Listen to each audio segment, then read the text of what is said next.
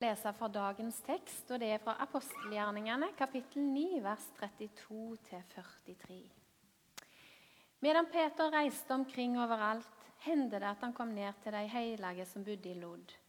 Der fikk han se en mann som var lam og hadde leget til sengs i åtte år. Han het Eneas. Peter sa til han, Eneas, Jesus Kristus gjør deg frisk. Stå opp og reis senga di. Straks reiste han seg opp, og alle de som bodde i Lodd og på Saronsletta, fikk se han og vende om til Herren.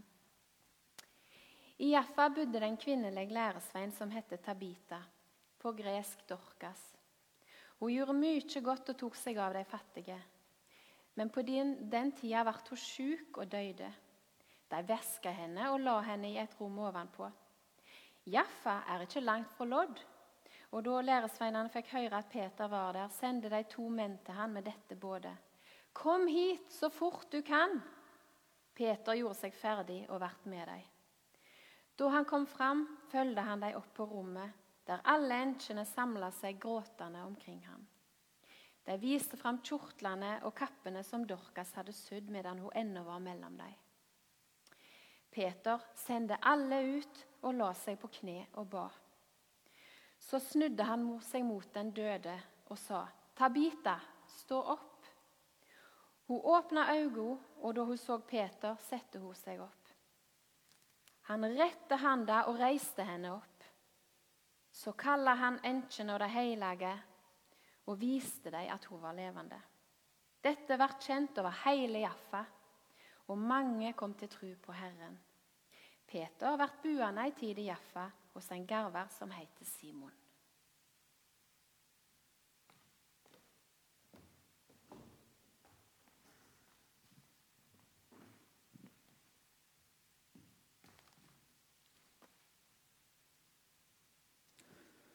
Så kjekt å være i Misjonskirka. Det er stas. Eh, jeg heter Geir Haraldseid. For dere som går i misjonskirker, så er kanskje min bror generalen litt mer kjent.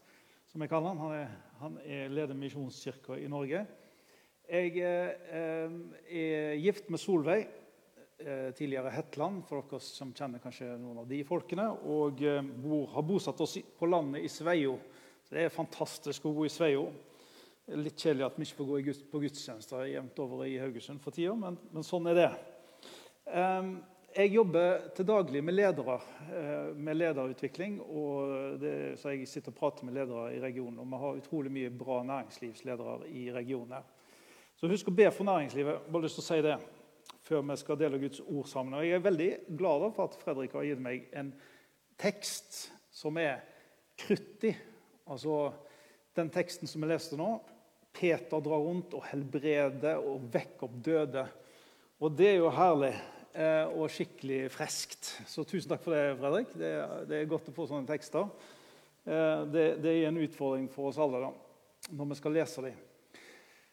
Når vi leser en sånn tekst og hører en sånn tekst Peter drar rundt, helbreder en som har vært, som har vært lam i åtte år, har ligget til sengs i åtte år iallfall, og, og så sier han Stå opp, tar senga di, og, og, så sier han Dette er antageligvis Solveig som er gift med. veldig glad for at hun sier, så Rei opp senga di. Sånn, det er jo fantastisk. Det, men han, han, han, han, ber han ta rei opp senga si, og, og, han reiser seg opp.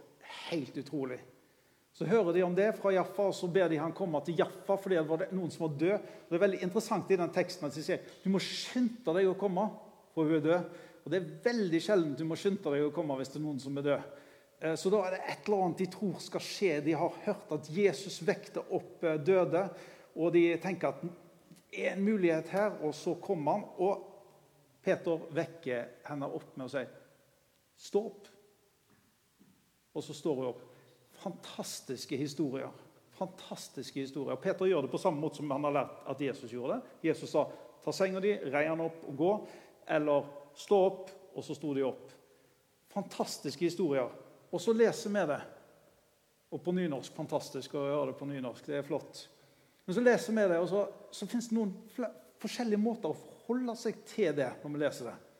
Enten skal en forholde seg til det ved at en tenker dette er bare vas. Hvis du sitter der og tenker at jeg, jeg jeg tror ikke på Gud, eller noe særlig, men jeg har nå logga meg inn her. Men akkurat det med tegn og under det tror jeg ikke noe særlig på. Det kan jo være. Hvis du er sånn og sitter der, så har jeg bare lyst til å si til deg Jesus elsker deg og bryr seg om deg. Og han vil gi deg en relasjon til seg, og han vil gi deg en mulighet til å vise hvem han er. Og En del av det er at han også vil vise at han har makt til å helbrede sykdom. Så det har jeg bare lyst til å si. Men ok, du kan tenke sånn. Eller så kan du tenke sånn det har helt sikkert skjedd i Bibelen, sånn som det står skrevet her. For jeg tror på Bibelen som Guds ord, og jeg tror dette er rett. Og De fleste som, som hører på og ser på nå, de tenker sikkert sånn Ja, dette, dette har nok skjedd. Og Så kan en gå ett steg nærmere da, og tenke jeg tror at Jesus helbreder syke i dag. Ok, Det er antageligvis en god del av oss som, som tenker sånn, og som hører på dette og tenker ja, jeg tror at Gud helbreder. Jeg har hørt om folk som har blitt helbredet, kanskje sett noe. Det, det, tror jeg kanskje på. Men så kommer det enda nærmere oss da, det her skriftstedet. Og så er det noen som tenker Kan Jesus helbrede meg i dag? Eller kan han bruke meg til å formidle helbredelse til noen i dag? Og Da er det veldig nært. Og da blir det ganske skummelt. Så det er enkelt å forholde seg til sånne typer tekster på distanse. Men ganske vanskelig hvis det blir sånn privat eller nært. veldig, Det handler om meg. Eh, jeg har tenkt å bare dele noen sånne perspektiver som kanskje kan gjøre det enklere å forholde seg til, her, eh, til denne her teksten. Eh, og det er tre ting. Det første er det som har med Guds rike å gjøre. Og veldig kort kan du si at Jesus forkynte jo Guds rike er nær, og så helbreder han de syke. Han sa at vi skulle gå og forkynne Guds rike der og helbrede de syke. Hva er Guds rike? Enkelt forklart så er det sånn alle mennesker har et rike. Jeg har Geirs rike. Det er ikke så veldig svært. Men, eh, men Geirs rike er Geirs innflytelse i denne verden. Så jeg kan bestemme for at jeg kan eh, gjøre en del ting. og jeg har, Fysisk så har jeg litt makt, ikke sånn kjempemye, men jeg har litt makt. Og så har jeg økonomien min, det gir meg litt makt. Og så har jeg en del makt. Når jeg, da, sånn som Stian, velger å bli en kristen, så overgir jeg mitt rike til Gud. Og så kapitulerer jeg og sier OK, Guds rike. Jeg blir en del av Guds rike. Og Guds rike er kort fortalt ikke et geografisk sted. og må aldri prøve å lage et geografisk sted sånn som mennesker kan forsøke å gjøre. Det handler ikke om det, men Guds rike er at Gud er konge og hans innflytelse. Og Hans innflytelse skjer også gjennom ord. Så han taler, og så blir det til. Og Guds rike, Guds makt og hans aktive vilje i verden er Guds rike. Og Jesus sier, 'Be, la ditt rike komme'. Så han ønsker altså Jesus ønsker at vi skal be om at Hans rike kommer mer og mer i denne verden. Og Det er viktig. Men folkens, når vi snakker om helbredelse Guds rike er ikke fullt og helt her. Alle vi ber for, blir ikke friske. Alt som Gud vil, skjer ikke i denne verden. Det er ikke så veldig vanskelig hvis du slår på nyhetene én gang, og bare introen på nyhetene, så forstår du at Guds rike er ikke kommet fullt og helt. Så Den døra trenger ikke sparke inn, for den er helt åpen.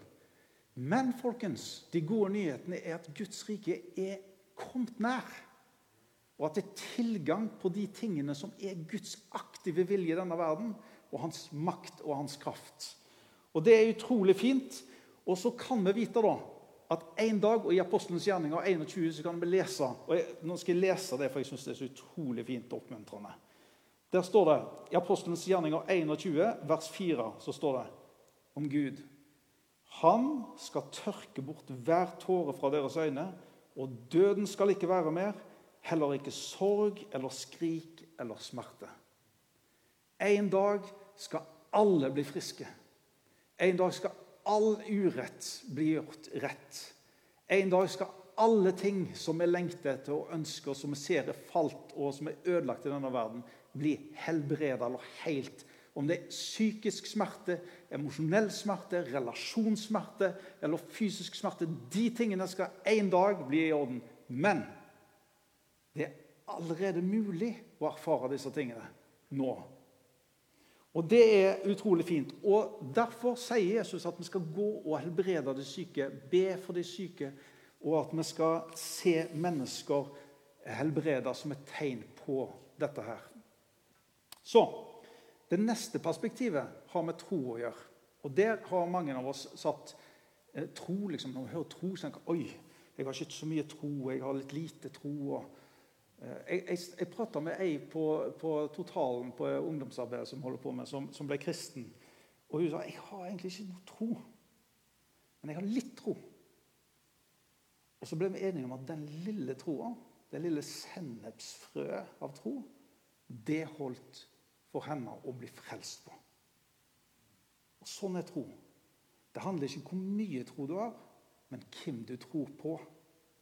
Hvis du tror på Jesus, og er villig til å komme til Han, så har du nok tro til å bli helbreda eller til å be for syke. Jeg, jeg, var med en kar Jeg ble invitert av en anglikansk prest til Kenya for noen år siden for å se på noe sånn eh, samfunnsutvikling. Det var veldig interessant. var der, Og så var vi på en skole. Jeg husker vi var på en sånn jordbruksskole. Det er, ikke, det er ikke mitt fagfelt, men jeg var nå der. Og var på denne jordbruksskolen, og Der var det masse greier, og jeg var veldig imponert. Det var veldig flotte folk. Og så spurte han eh, anglikanske presten, og som er en eh, vokst, godt voksen mann, så spurte han er det noen som er syke. spurte han de. Og da var det en røys med folk som var syke. På alt mulige sykdommer. For de har jo ikke legehjelp på den måten som vi har. Så de var, Det var mange av de som var syke. La oss si det var 10-12 stykker da, som var syke. Og så sa han ja, da kan dere stå der, så skal vi be for dere sånn at dere blir friske. Ja, ja, De stilte seg opp. Og jeg liksom tenkte oi, oi, oi, spennende, eh, dette kan bli interessant. Og så sa han til meg Geir, du kan be for hun. Så tenkte jeg altså, Nå skal jeg være veldig ærlig med dere. Jeg tenkte du har trukket det korteste strået. Jeg syns skikkelig synd på henne. Jeg tenkte dette er ikke bra. Og hun var døv på det ene øret, fortalte hun meg, gjennom en tolk som hadde der. Og jeg tenkte altså jeg har bedt for, jeg, jeg tror jo på helbredelse. vet du. Jeg tror skikkelig på helbredelse. Men jeg har ikke sett så mye. Så når jeg la hendene på henne, så hadde jeg lært av han anglikanske presten at jeg skulle, jeg skulle ikke be lenge. Jeg skulle bare si jeg, jeg, skulle spørre henne først tror du at Jesus er i går og i dag den samme ja til evig tid. Så sa jeg ja, det tror jeg. Tror du at han kan helbrede deg i dag? Så sa, jeg, hun ja, det tror jeg. Så sa jeg på den bekjennelsen så sier jeg 'vær helbreda i Jesu navn'. Og jeg, helt oppriktig det sakk inni meg, for jeg, jeg hadde, det var et sennepsfrø der. altså. Det var et sennepsfrø. Og så spurte jeg, for det hadde jeg også lært, så spurte jeg, hvordan gikk det? Så spurte jeg. Jeg er helt frisk. Så. Og jeg tenkte tull, det er det ikke. det var sånn, så, så, jeg bare holder for det ene øret, og så prøvde jeg, og så gikk jeg langt. langt, Jeg var oppe i en skog. Til slutt som at han anglikanske, jeg tuller ikke, han måtte hente meg ned, for jeg skulle sjekke om hun hørte meg. Hun sto med ryggen til, og jeg gikk langt, langt fordi at jeg hadde så liten tro. Men jeg hadde nok tro på at han som har makt å helbrede sykdom, kunne helbrede henne. Og Derfor gjorde jeg det i tro, og hun ble frisk. Og Det er herlig. Og så har jeg bedt for syke som ikke blir helbredet. For det er et allerede er Guds rike her, men ennå ikke i fullt og helt. Men tro er viktig, og tro er tillit, folkens. Tro er tillit. Tro er ikke å tenke at noe er sant, men å stole på det. Husker på Uradalen, noen av dere kjent i Haugesund. Uradalsvannet det er et bitte lite vann. Der lekte vi da vi var små. Og Så kunne vi ofte stå på kanten og trykke med foten på isen. Og så sa vi ja, jeg tror han er sikker. Men det er ingen som turte å gå på han, vet du. Fordi at det var ingen som var... Men, men så var det noen da, som hadde tro. Og da tok de sats med begge beina og hoppet opp på isen. Og så hadde noen ganger datt igjennom. Men, men, men da trodde de, og det er tro og stoler med hele sin tyngde på at ting er sant. Det står i Bibelen at ingen, ingen kan komme fram for Gud uten tro. Det er umulig å behage Gud uten tro. For de som påkaller ham, må tro at han fins. Og hvis du tenker jeg, jeg, vet ikke om jeg er kristen engang, men jeg har bitte lite tro, men jeg er syk. Så har jeg bare lyst til å si til deg hvis du tenker at du kan be, så har du tro. For da kommer du til ham. Og I Bibelen så er det mange eksempler på mennesker som kommer til ham i nød. Og De var ikke kristne, for de visste ikke hva kristne var. De, de, men de, de, kom til ham for de trodde at han kunne gjøre et eller annet. De fortjente det ikke, men de trodde på ham. Og Hvis du har en sånn tro at du tenker ok, kanskje da, så har du den troen som skal til for å oppleve tegn og under i ditt liv. Ikke bare tro at det kan skje i Afrika eller andre steder. Så jeg har bare lyst til å si til dere som er leger, for det er sikkert noen som er leger som hører på, jeg har lyst til å si at vi må prise Jesus for helsevesenet og for lege, legestanden. Og Gud helbreder veldig mange gjennom legevitenskapen. Nå har jeg bare sagt det, men, men, for det er viktig, og det er helt sant. Eh, men, men det er òg sånn at Gud helbreder syke i dag. Det siste jeg har lyst til å si om, litt om, og det skal jeg fortelle en historie som er litt personlig for meg. Geir Johansen kjenner dere. Mange av dere. Eh, I 2010, tror jeg det var, så hadde jeg fått for meg at For jeg, jeg var med og starta Pionerkirka i Haugesund. Eh, og da var jeg satt leder i den, tror jeg. Jeg hadde fått for meg at vi skulle ha en evangelistisk kampanje eh, som heter 'Den virkelige Jesus'. Og jeg, og jeg tenkte vi skal ha den beste forkynneren jeg noen gang kan ha hørt forkynne evangeliet. Og det var Geir Hansen. Jeg husker jo han fra møtene i gamle dager i Haugesund misjonskirke når det var vekkelse på 80-tallet. Han har så store hender, Geir. Har dere lagt merke til det? Så han liksom Er det noen her i kveld? Så vifta med hendene utover salen. Og, det. så var det masse folk som ble frelst. og Det var, det var kjempemessig. Så han bestilte jeg. Jeg snakket med Geir. Kan du komme til Haugesund? Og Vi ba og vi fasta. Vi inviterte masse ikke-kristne mennesker. Og totalen var proppa full. Masse folk som ikke trodde på Jesus, var der. Vi hadde bedt, og vi hadde delt evangeliet. og vi, var, Alt var til rette. Og, jeg, og Geir forkynte så fantastisk bra evangeliet. Altså Geir og Hansen, ikke meg, da. Eh, det var utrolig. Og ingen ble frelst. Og etter den siste møtet den, den helga, eller det var en sånn langhelg, så husker jeg jeg gikk, jeg, Først så sa jeg ha det til Geir, og jeg holdt jo maska. liksom. Ja, takk for nå og sånt. Og så gikk jeg hjem, og så satte jeg meg i stolen min, og så bare gråt jeg altså, i skuffelse. Jeg gråt. Og Solveig ble bekymra, for jeg er ikke sånn som tar til tårene så ofte. Kanskje litt mer og mer. Men eh, anyway, jeg, men jeg gråt. Jeg var så skuffa. Jeg var så skuffa. Og i årevis etterpå så, jeg, så, begynte jeg å komme meg over dette. da. Men jeg hadde alltid sånn Når jeg kommer til himmelen, det første jeg skal gjøre idet jeg åpner døra, går inn, så skal jeg si Jesus, den der evangelistiske kampanjen, vi må snakke litt om den. Fordi at jeg hadde lagt ballen på målstreken. Det var bare for han med sin hellige pust å blåse bitte litt på. Og han ønsker at mennesker skal bli frelst og lære sannheten å kjenne. Og jeg, hvorfor i all verden kan du ikke gjøre det? Altså, jeg var, og I årevis gikk jeg rundt og tenkte sånn som det der. Så snakket jeg med en veileder som jeg har i Wales. Og så sa han Geir, eh, for hadde begynt, Jesus hadde begynt å røre med disse skuffelsene. Og så, så sa han, så jeg delte denne historien med han, så sa han det fins noe som heter 'the cage of disappointment'. Altså et skuffelsens bur. Som gjør at du skilles fra Gud. Altså at Gud ikke får slippe til på de punktene lenger. At skuffelsen hindrer deg for å tro Gud for ting. Og Jeg kjente meg igjen i det. Jeg kjente meg At jeg egentlig var bonde altså, av de skuffelsene. Ellers om jeg kunne spøke og herje litt med Så jeg, jeg, gikk noen runder. Jeg, jeg brukte et seconds år altså, på å gå runder. og så Til slutt bestemte meg. Så sa, jeg husker jeg sa til Jesus Jesus, den skuffelsen for den evangelistiske kampanjen, jeg gir den til deg. Uten forbehold. Jeg velger å tro at du ønsker at mennesker skal bli frelst. Og Så gikk det noe veldig kort tid, så fikk jeg en melding via en venn av Geir Johannessen. Som, som sa, og Da var det gått, nesten, det gått over ti år. Så, så, så, eller ca. ti år. Så der Geir Johannessen sa jeg tror kanskje det kommer nå. Han hadde vært inne og gått forbi totalen en tirsdag. Det var tjåkafullt med unge mennesker. Kanskje det kommer nå. Og så kjente jeg, satt hjemme i stua og hørte denne meldingen fra Geir sammen med Solveig. Så kjente jeg akkurat som det buret bare åpna seg opp. Kanskje nå kommer det. Så tørte jeg å tro igjen på at ønsker, Gud ønsker at mennesker skal bli frelst. Og rett etter det folkens, så begynte jeg å se mennesker komme til tro. Og folkens, å håndtere skuffelser er noe av det vanskeligste vi gjør. Disiplene ble skuffa på Jesus igjen og igjen og igjen. Og til slutt så sa, så sa de En gang de var så skuffa for Jesus hadde talt tomt en hel, altså en hel svær sal hadde han talt tomt Man sier jo, dere må drikke mitt blod og spise min kropp. Ingen forsto bæret, og alle gikk. Til slutt sa disiplene igjen. De var så skuffa. De var så skuffa, de var sikkert like skuffa som meg. Og så, og så de så spurte Jesus vil dere gå, og så sier de ja, hvor skal vi gå? Du er jo det evige livsens ord.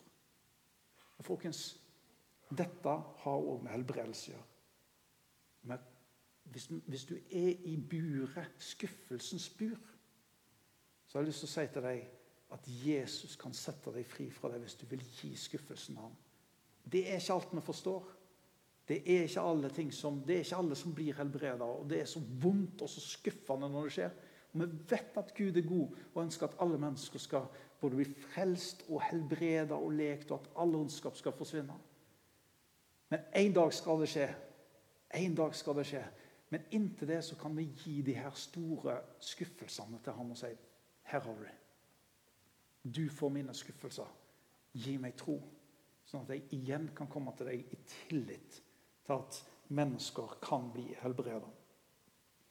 Og, og, og, og, på den måten så kan vi erfare mer av hans helbredelse i våre liv. Så folkens Hvordan skal vi håndtere denne teksten om tegn og under? Hvordan skal vi håndtere det? Jo, Kanskje det blir litt, litt lettere for oss hvis vi tenker at det fins et allerede og et ennå ikke. Kanskje det er sånn at vi kan håndtere det med å tro og tenke at tro handler om å tørre å komme til ham og stole på ham. Ikke å prøve å blåse opp noe tro eller følelser, men å enkelt komme til ham og si 'hjelp'. Og at vi håndterer skuffelsene våre ved at vi slipper Jesus inn i dem. Og er ærlige med dem. Vet, i, I den gruppa som Stian har gått i i mange år, som dere hørte delte vitnesbyrdet sitt, så hadde vi én regel når vi snakket om Gud.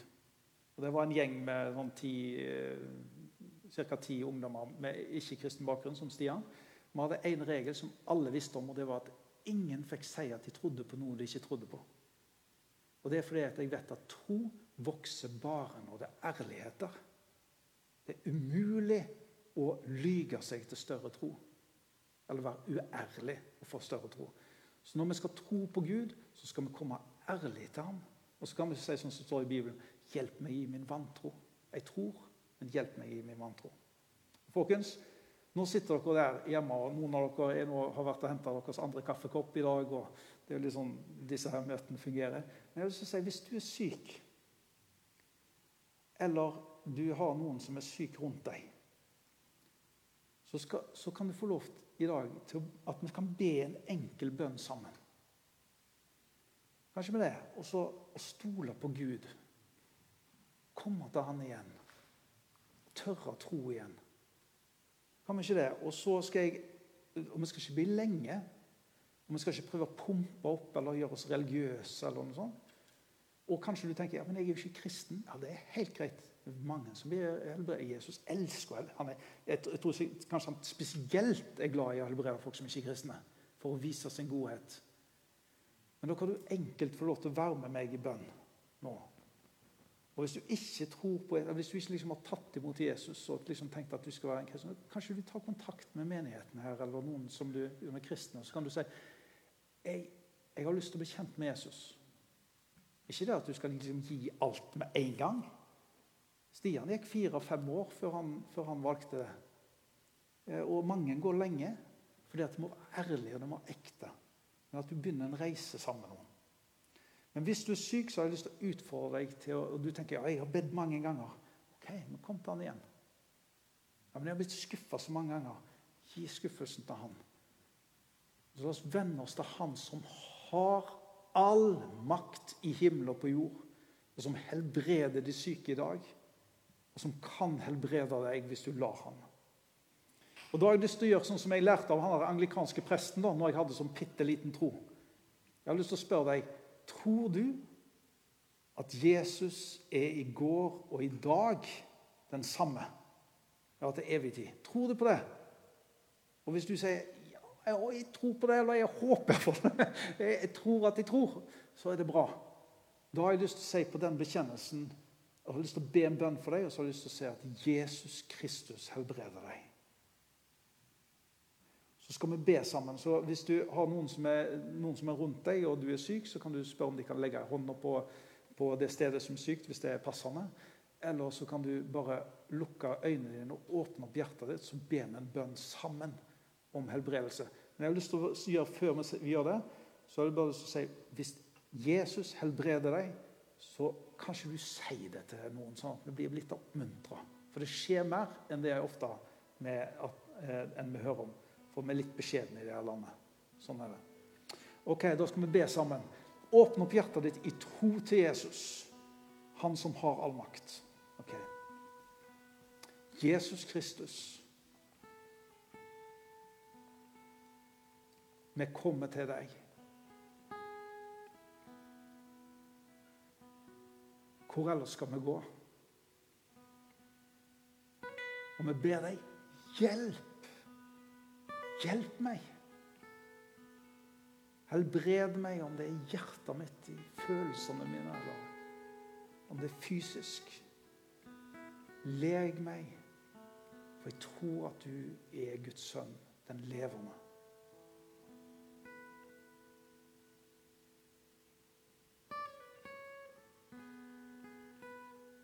Jeg har lyst til å be spesielt for de som har hjertefeil. Jeg tror Jesus minte meg på det. Hvis har, at det er noen som har en hjertefeil, og jeg har lyst til å be om, spesielt for deg, og jeg har lyst til å be om at Jesus helbreder deg.